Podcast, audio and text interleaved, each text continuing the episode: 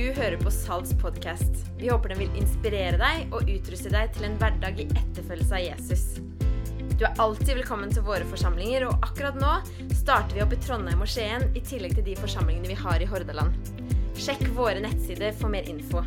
Og nå god lytting. Nå er ikke det altså da kunstneriske mennesker som er vårt tema, men det er menneske. Fordi vi ønsker å være en kirke som snakker sant om det å være menneske. Og Vi har kunnskap i hodet. Spørsmålet er bare hva bruker vi kunnskapen til.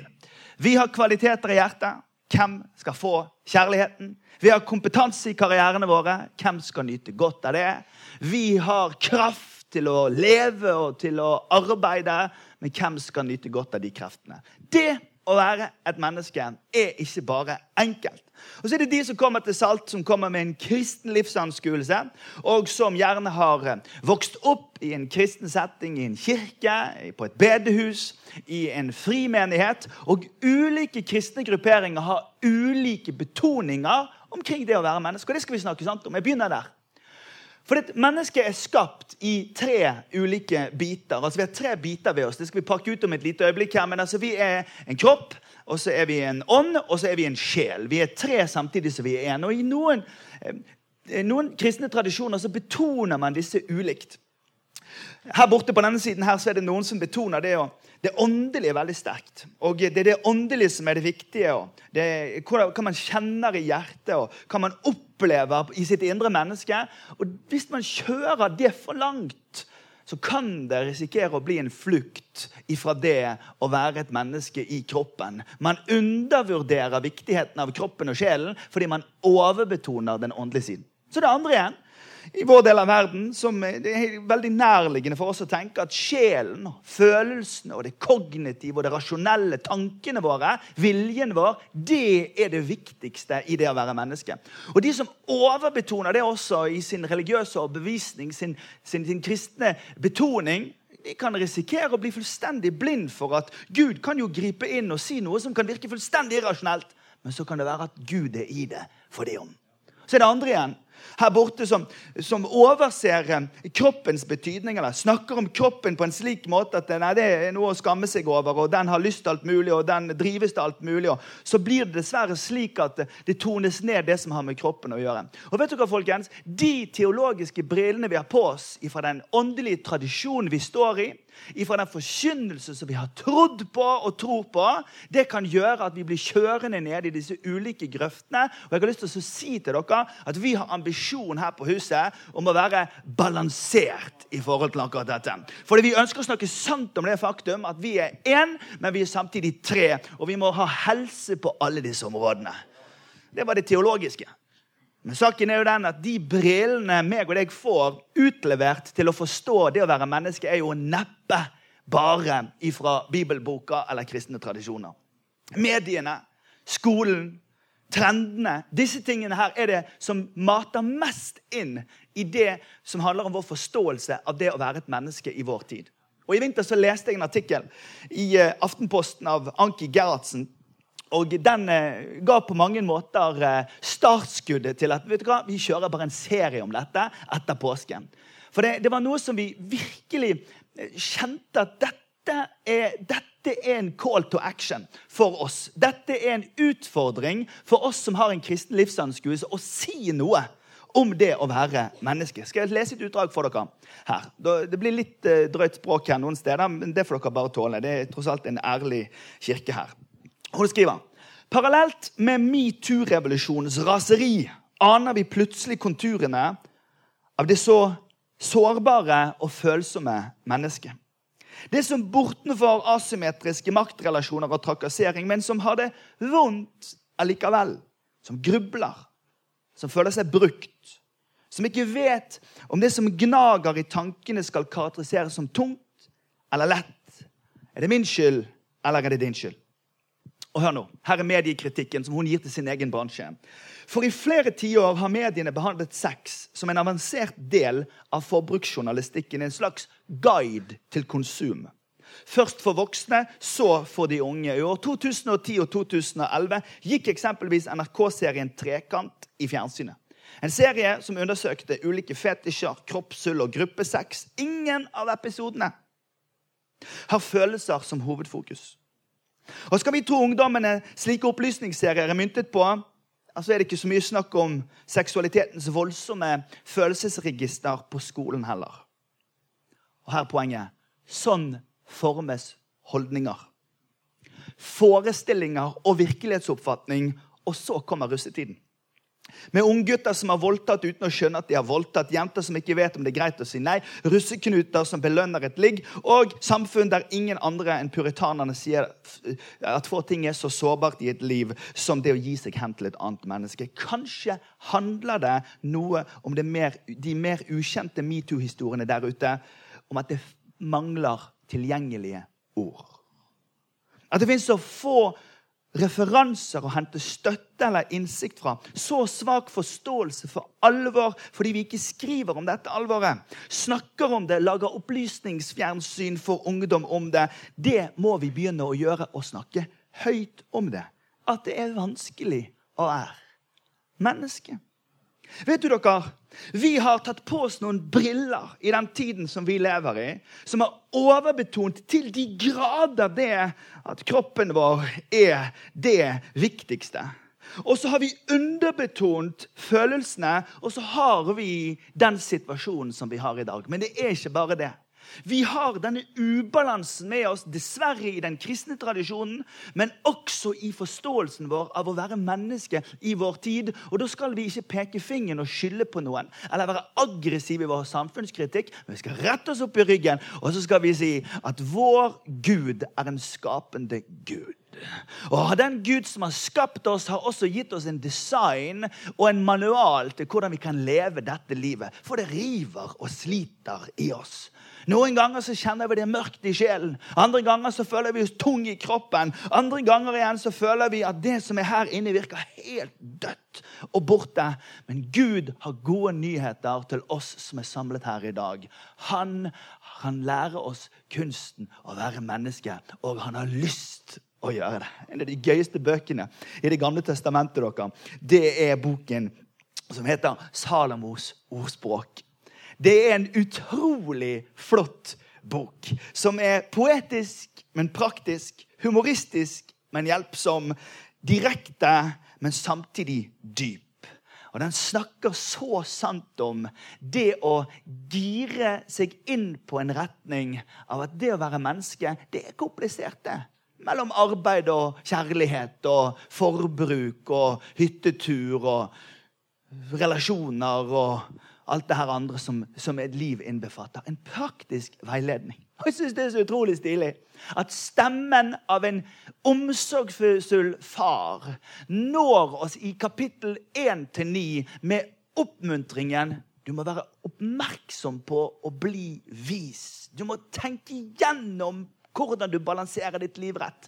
Du må lære deg kunsten av å være menneske. Visdom, dere, det kan best defineres på følgende måte det som er sant, med god dømmekraft. Og Det å være kristen i dette landet vårt det handler om å tro at det er noe som er sant. Og så trenger vi visdom og innsikt og god dømmekraft for å håndtere det livet. Men det, det å si at noe er sant i vår senmoderne kontekst, det er ikke bare enkelt. fordi at det, sannheten flyter jo. Men du må bare rette deg opp i ryggen på ditt studie, på ditt sted, og din vennegjeng, og på din fotballbane, på din håndballbane og i ditt familieselskap og bare si det. vet du hva? Alle mennesker trenger et ståsted, og her er mitt. Jeg tror at Gud er en skapende Gud. Og er du ikke der ennå, så skal jeg prøve å dra deg dit i løpet av de neste få minuttene. For det er noen ting som heter sannhet. Og den sannheten den kan bli et utgangspunkt for en trygghet, en tilhørighet og en hensikt i et liv. Jeg synes Det er så kult i kapittel 4 i ordspråksboken, så, så, så, er det så intenst. vet du. Kjøp innsikt. Skaff deg innsikt. Vær klok. For alt du har i verden, få tak i god dømmekraft. Få tak i en måte å leve livet ditt på. Og det er det jeg har lyst til å nå deg med i kveld. Ikke sitt hjemme med ansiktet full av ostepop og tenk at det de sier på TV, er det som skal danne ditt verdensbilde.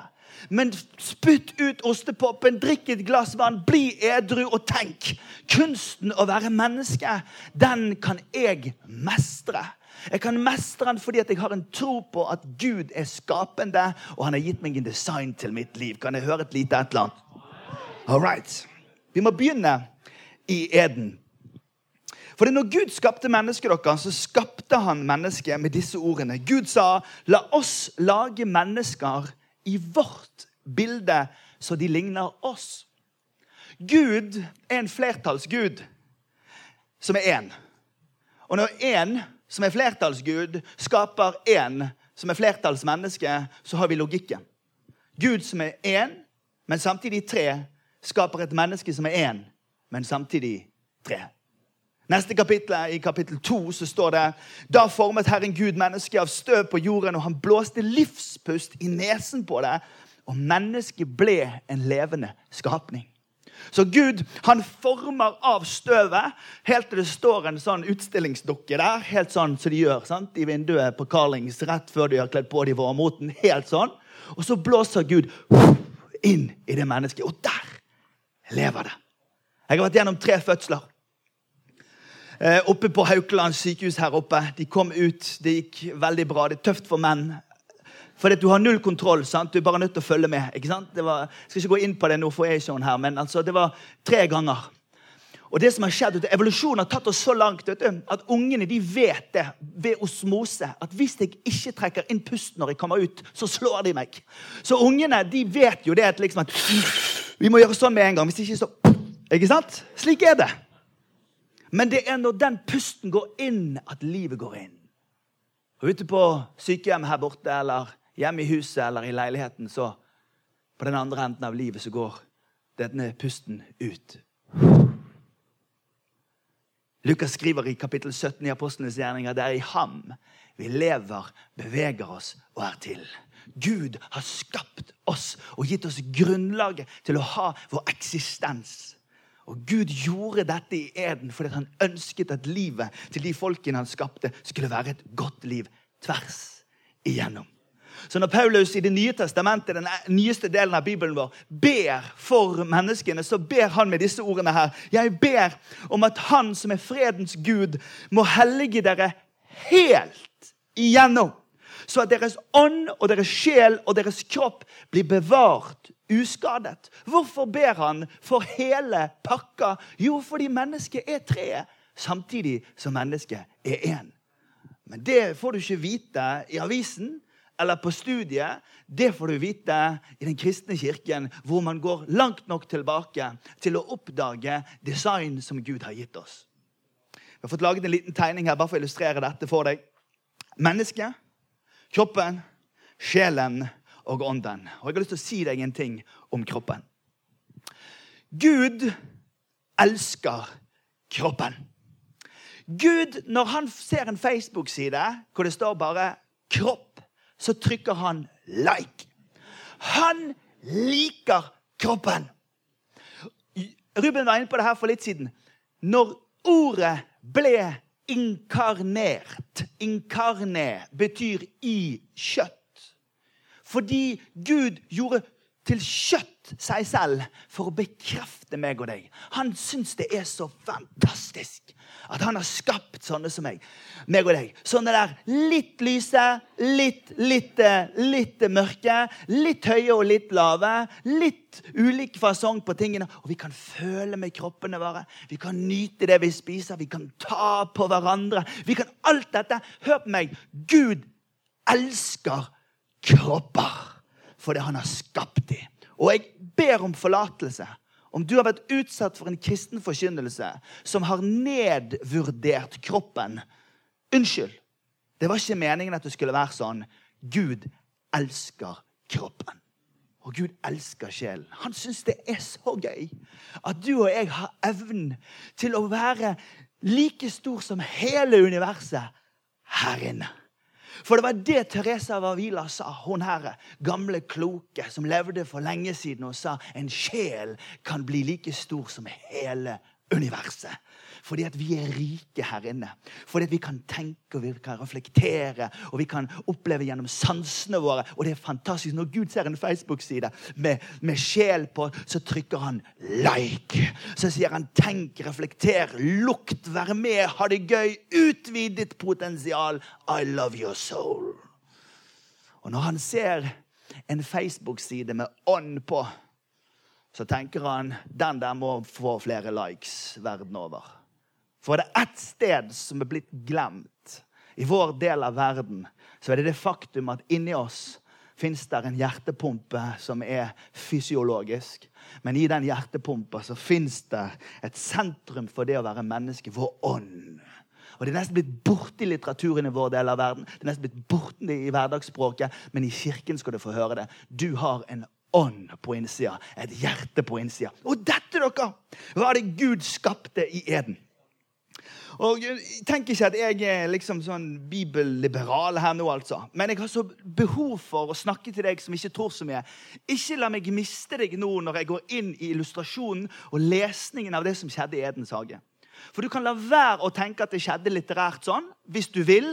Men jeg vil at du skal bli med meg lenge nok i det som jeg sier, til at du skjønner at konsekvensen av eden ja, den sitter i mellomgulvet på oss alle sammen den dag i dag. For I eden i begynnelsen så skapte Gud mennesket. Og jeg har laget tre hovedkategorier for å trekke din oppmerksomhet til hva han ga oss den gangen. Han ga oss en hensikt for livet. Han sa det 'bli fruktbare og bli mange'. Reis på lofotfiske, skyt elg i skogen, lag en potetåker på Jæren. Bygg dere et liv. Sørg for at dere gjør noe meningsfullt. Og for, for all del, sørg for at det blir flere mennesker. Et menneske er skapt av Gud med mening. For det andre så er et menneske skapt av Gud i omsorg og trygghet. Altså Det fins en trygghet i eden hvor Gud sa det skal være sikkert rundt dere, det skal være godt rundt dere, det skal være uh, kjærlighet rundt dere. det skal være, Ting skal være på plass på en slik måte at dere skal slippe å lete etter det. Vær så god, her er det. Bo her. Ha det godt. I will take care of you. Han sa det på engelsk. For det tredje så sier han det at uh, i eden så skal dere få tilhørighet. Det skal ikke være sånn hos dere at dere må springe rundt omkring for å chase likes. Nei da, hos meg skal dere få lov til å vite at jeg kommer cruisende i den stille aftenbrisen og tar en kopp kaffe med dere en eller annen plass. Fordi jeg liker å være sammen med dere, men det handler ikke bare om at vi skal være sammen. Det handler om at dere skal være sammen også. Tilhørigheten er på plass. Og der begynte Guds design for våre liv. Du skal være trygg. Du skal ha tilhørighet. Og det skal være mening med ditt liv. Men det varte i knappast en halv side i bibelboken før dette skjedde. Du må gjerne spise av alle trærne i hagen, står det i kapittel 2, vers 16-17. Men av tre om kunnskap om godt og ondt må du ikke spise, for den dagen du spiser av det, da skal du dø.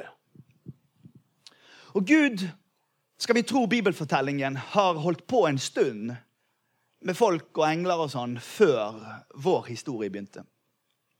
Og Det tilhører historien at han som denne her dagen introduserer seg sjøl i denne hagen i en slangedrakt, han hadde vinger i tiden før og gjorde et opprør mot Gud og ønsket hans plass. Men Gud er en god Gud. Og Rent filosofisk så måtte det være slik at Gud skapte med fri vilje. Gjorde han ikke det, så kunne ikke du og jeg elske. Så Guds risiko når han skaper mennesker, det er jeg gir dere fri vilje, men jeg ber dere ikke spis av den busken som står der borte. Og så Når vi leser søndagsskolefortellingene, så er jo det sånn, vi åpner en sånn liten A5-side. Og så er det sånn tre som går ut av alle hjørnene. Og så sitter Adam og Eva naken under det treet, og så sier Gud 'ikke et treet». Sant? Men saken er den at det var en busk en eller annen plass midt i hagen. Og området de hadde, var hele området mellom Eufrat og Tigris. En gedigen Edens hage. Og så var det én regel. Men jeg har noen syndere som bor hjemme hos meg. I mitt hus.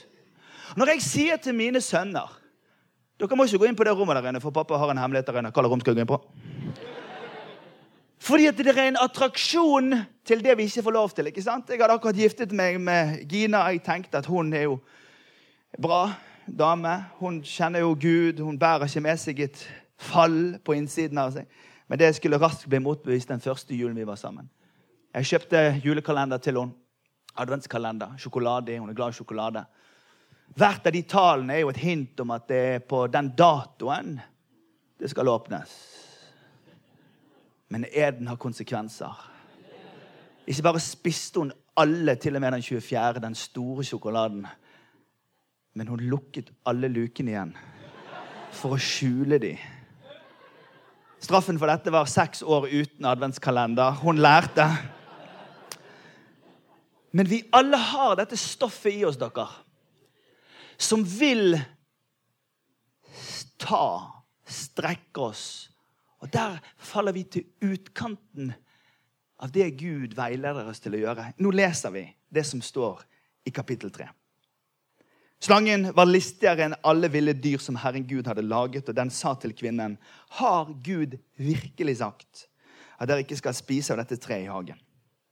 Og Kvinnen sa til slangen, vi kan spise frukten på trærne i hagen, men om frukten på treet som står midt i hagen, har Gud sagt, dere må ikke spise av den, ikke røre den, for da skal dere dø. Da sa slangen til kvinnen, dere skal slett ikke dø.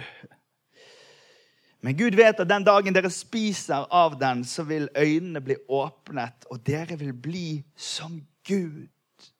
Og dere vil kjenne hva som er godt og vondt. Dere vil bli som Gud. Dere vil nå opp. Dere vil være sjef sjøl. Dere vil vite alt.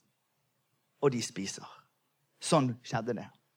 Nå fikk kvinnen se at treet var godt å spise av, og en lyst for øyet og et forlokkende tre siden det kunne gi innsikt. Så tok hun av frukten og spiste. Hun ga også til sin mann, som var sammen med henne, og han spiste.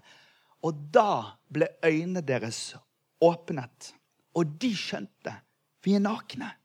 Og de flettet fikenblader som de bandt om livet. Og så sprang de inn i skyggene. Bort ifra fellesskapet med Gud bort ifra lyset. Og der, dere, der bestemte de seg for å klare seg sjøl. De var ikke døde i kroppen, vet du. Den sto der i all sin skrud og herlighet. Ferdig løftet for sommerkroppen på Elixia. Ikke noe problem med fysiologien. Det var ikke det at de døde i sjelen. Ikke noe problem å ta doktorgrad i et eller annet fag. og være så klok at millionene renner inn, og innflytelsen i vår del av verden øker opp til himmelen. Men det var noe her inne som døde.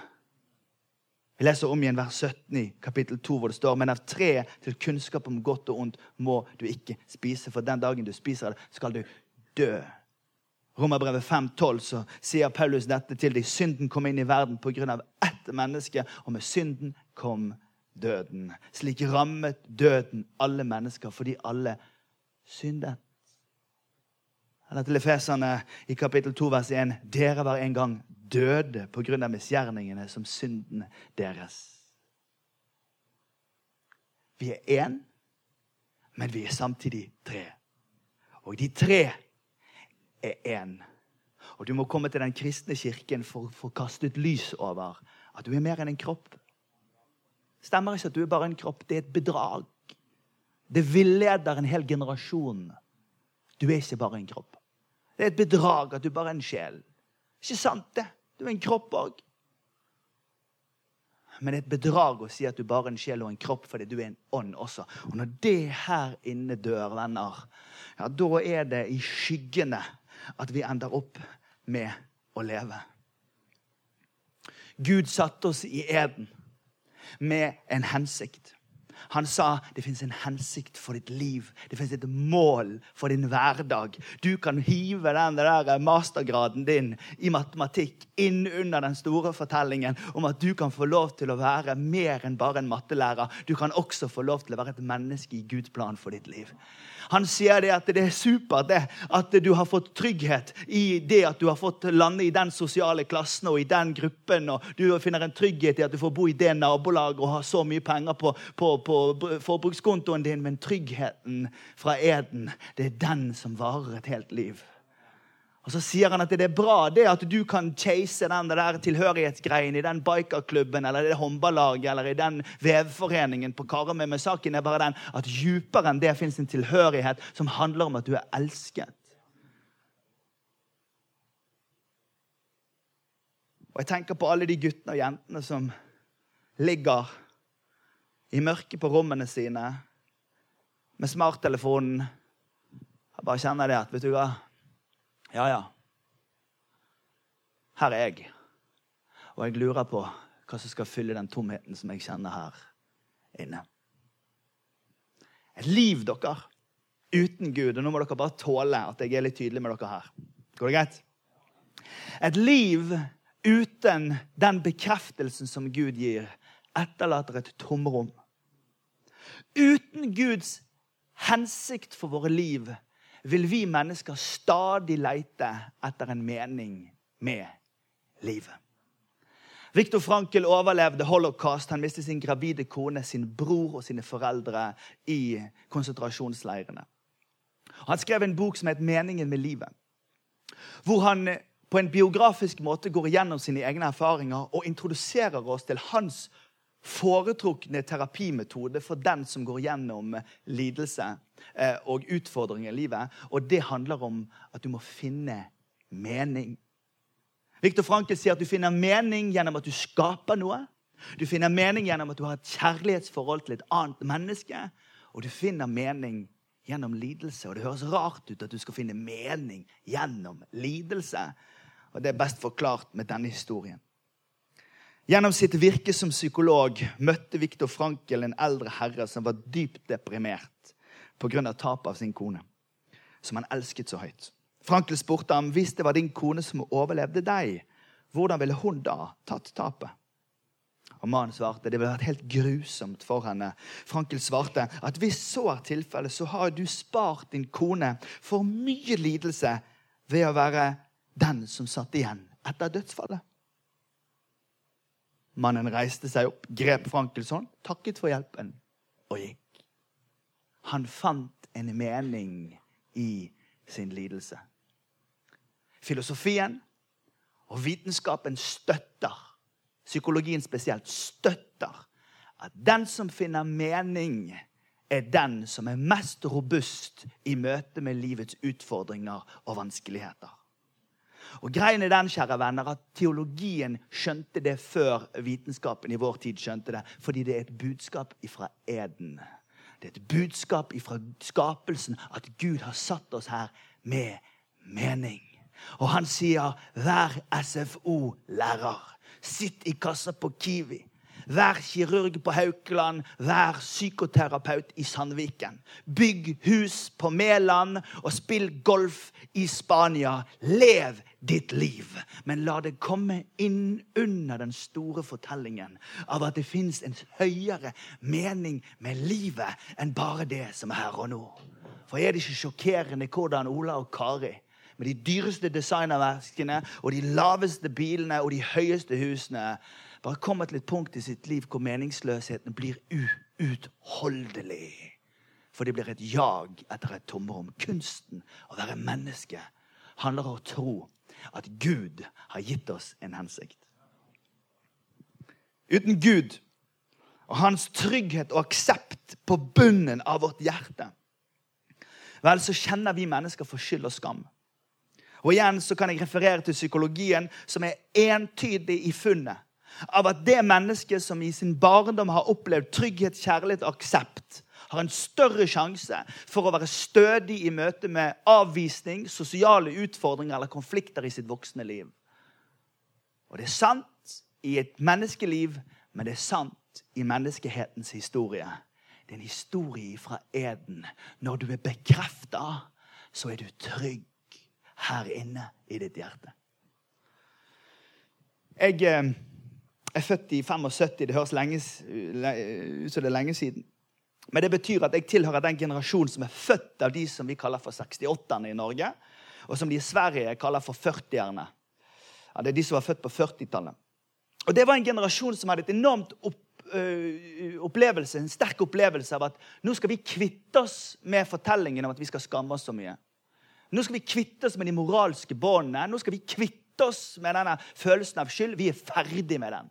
Og jeg og mine klassekamerater vi er en del av den generasjonen som har vokst opp i det. Og de som har kommet etter 2000-tallet, vi er barna der igjen. Og hvem hadde trodd at den serien som skulle være en home run av alle ungdomsserier de siste årene, skulle være nettopp en serie som heter Skam? Som tar opp igjen det faktum at meg og deg, vi kjenner på skyld og skam her inne. Vi som, som, som, opplever at når vi får gode karakterer i skolen, så får vi en like og en, klapp på, og en tusenlapp og en klapp på skulderen. Eller vi opplever at vi får en skikkelig bra liksom, mengde likes på Instagram når vi har helt platinarikt blondt hår, sånn som de 16 andre venninnene våre på Bybanen, fordi at vi ser like ut som alle de andre. Vi som klarer å få likes ut av det faktum at vi presterer på idretten eller i kulturen, men som egentlig, når vi ligger i skyggene, i lys av vår smarttelefon hjemme på rommet bare scrolle oss igjennom denne opplevelsen av at vet du hva, de andre får det til mye mer enn meg. Jeg klarer ikke det sånn som de andre får det til. Der fikk hun det til. Der fikk hun det til. Der fikk, klarte han det, og der fikk hun det til. Og så bare opplever vi at det er i skyggen at vi lever vårt liv. Et jag etter greiene. Jeg digger skam. Jeg syns det er en fantastisk analyse. Men jeg syns at det er en diagnose som nødvendigvis ikke gjør rettferdighet overfor det folk trenger. For evangeliet i skam, det er all is love. Og den kjærligheten den skal du finne hos vennene dine. Not so. Mennesker er kjipe og svikefulle, men det fins én som heter Jesus Kristus. Og han gir en kjærlighet som ikke handler om det du har prestert, det du presterer, det du gjør og yter og får til. Det ropet fins i vårt folk, og tomrommet er der fortsatt. Den tredje tingen før jeg lander, at uten Gud dere, og hans bekreftelse på at vi tilhører Han, så kjenner vi mennesker forkastelse og ensomhet. Tilhørighet er utrolig viktig. Og i Norge er vi verdensmestere på å skape tilhørighet. Vi kan jo bli medlem i alt fra yogaklubben under vann til yogaklubben over vann. Til varm yoga, til iskald yoga, til sykkel med elektrisitet, juks i greiene, eller skikkelig sykling. Med bukkestyre, sittestyre, gåstyre eller lenestol. Altså, vi kan bli medlem i alt i Norge. Vi kan krysse av til vi har blitt ruinert av medlemskontingenter. Likevel så sier en tredjedel av norsk ungdom jeg føler meg ensom. I lyset av smarttelefonen inn på rommet. Nå var han med hun, og hun med han, og den festen ble ikke jeg invitert på. og Hvorfor ikke jeg å inkludert i den tingen på jobben, og jeg var ikke med på den ferien, jeg fikk ikke lov til, og så blir vi skjøvet lengre ut og bort og vekk. Fordi at tilhørigheten vår, den må vi kjempe for istedenfor å være trygg for.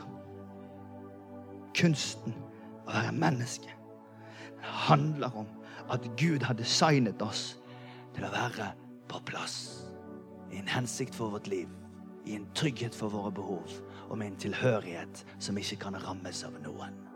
Det, dere, er kunsten å være menneske. Skal vi reise oss opp, så skal vi be sammen. Og jeg trenger bare noen få minutter med ro her før jeg eh, skal gå inn for landing. Skal vi be sammen?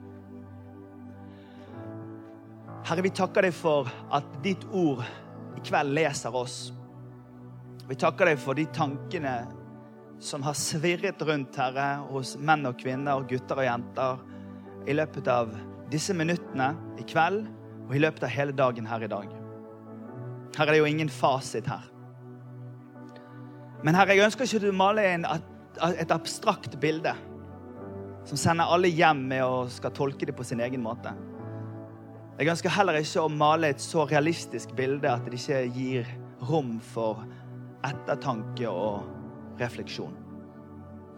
Hellige Ånd, jeg ber deg derfor i dette rommet akkurat nå om å tale til oss om hvor det står til med oss og vår kunst i å forsøke å manøvrere det livet som du har gitt oss å leve. Med alle øyne lukket så spør jeg deg, hvis du er her, og du har i løpet av den siste tiden opplevd en overraskende meningsløshet i livet ditt som bare har bare skylt innover deg og nesten bare feid beina under deg, og du har kjent en ustøhet, så har Herren et ord til deg i kveld, og det er at jeg skal gjeninnsette en trygghet i ditt hjerte på at det finnes en plan for ditt liv som ikke handler om at det du skal yte, men som handler om at du er, du er ønsket, og du har et mål, og Gud har en plan for ditt lille liv iblant disse 7,5 milliardene som vi bør folke planeten akkurat nå. Så med alle øynene lukket så spør jeg deg, hvis det er deg, hvis du rekker opp hånden din nå, så skal jeg be en bønn for deg. Som en mirakelsak som bare detter ned her. Nå ser jeg flere hender som går opp. Gud gjør ting når vi strekker oss til Han. Gud gjør ting. Han gjeninnsetter hensikt i livene til folk akkurat nå. Bare, jeg ber deg om å tro det. Jeg ser hender som går opp overalt, og nå ber jeg for deg. Herre, jeg ber for de som strekker sine hender opp til deg nå. Og sier, Herre, jeg trenger å kjenne det at mitt lille liv, det faller inn under din store plan i vår verden, Herre. Herre, jeg priser deg og takker deg, Herre, for at ikke noe menneske er for lite. Ikke noe menneske skal glemmes. Ikke noe menneske skal inn i skyggene, men vi skal få lov til å leve i lyset av din gode plan, Herre. Trøst og helbred og gjeninnsett. Jeg ber i Jesu Kristi navn. Amen. Du skal få ta ned din hånd. Og hvis du er her, og du har opplevd en skjørhet i dine relasjoner i den siste tiden Og det jeg mener med det, er at du har gitt venninner og venner et rom i ditt liv som har gjort at du har blitt shaky og usikker og stressa og awkward. Du har blitt litt underlig sosialt bare fordi du stresser med å finne trygghet. Jeg tror Herren har et ord til deg, du som er stressa og awkward. Hva er det norske ord for det? Det er liksom rar. Du bare kjenner ikke deg sjøl igjen, men det kommer ut av en grunnleggende utrygghet som har sneket seg inn pga. ting som har skjedd i ditt liv. Gud er her nå for å helbrede deg ifra det. Han kan nullstille deg og gi deg en trygghet. Lukker uh, musikerne her, og alle sammen i rommet lukker øynene, så er det mellom deg og Herren. Hvis det er deg, strekk din hånd opp til Herren. Bare rast opp sånn. Yes. Jeg ser mange hender som går opp. Dere skal få ta ned hånden igjen med en gang. Mange hender der. Herre, jeg ber nå i Jesu navn. Herre, takk for at du gir stødig grunn under føttene. Herre, takk for at du nullstiller nervøsiteten. Og så sørger du for en trygghet, Herre, fra eden. En trygghet fra evangeliet. En trygghet som gjør at jeg ikke trenger å bevise, men jeg kan få lov til å være meg selv, forankra i min identitet i Jesus. En siste ting, du som kjenner på dette med tilhørighet.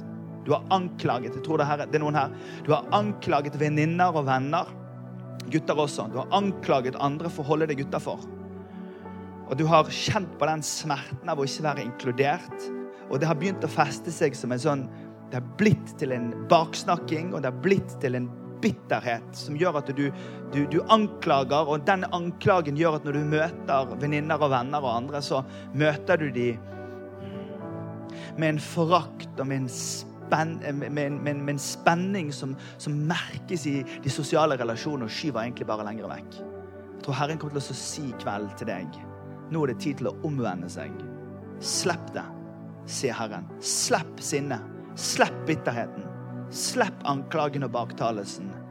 Og vær fri til å være i tilhørighet med andre mennesker. Med alle øyne lukket. Hvis det er deg du kjenner igjen, det var til meg, det traff meg. Hvis du sier det traff meg, jeg trenger at Herren berører meg, opp med hånden raskt, så ber jeg for deg.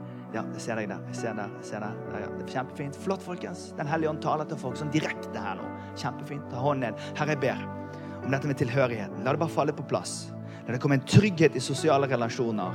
La det få lov til å komme en trygghet som ikke handler om å prestere, men handler om å være trygg i møte med andre. La oss synge om Jesus sammen i Jesu navn.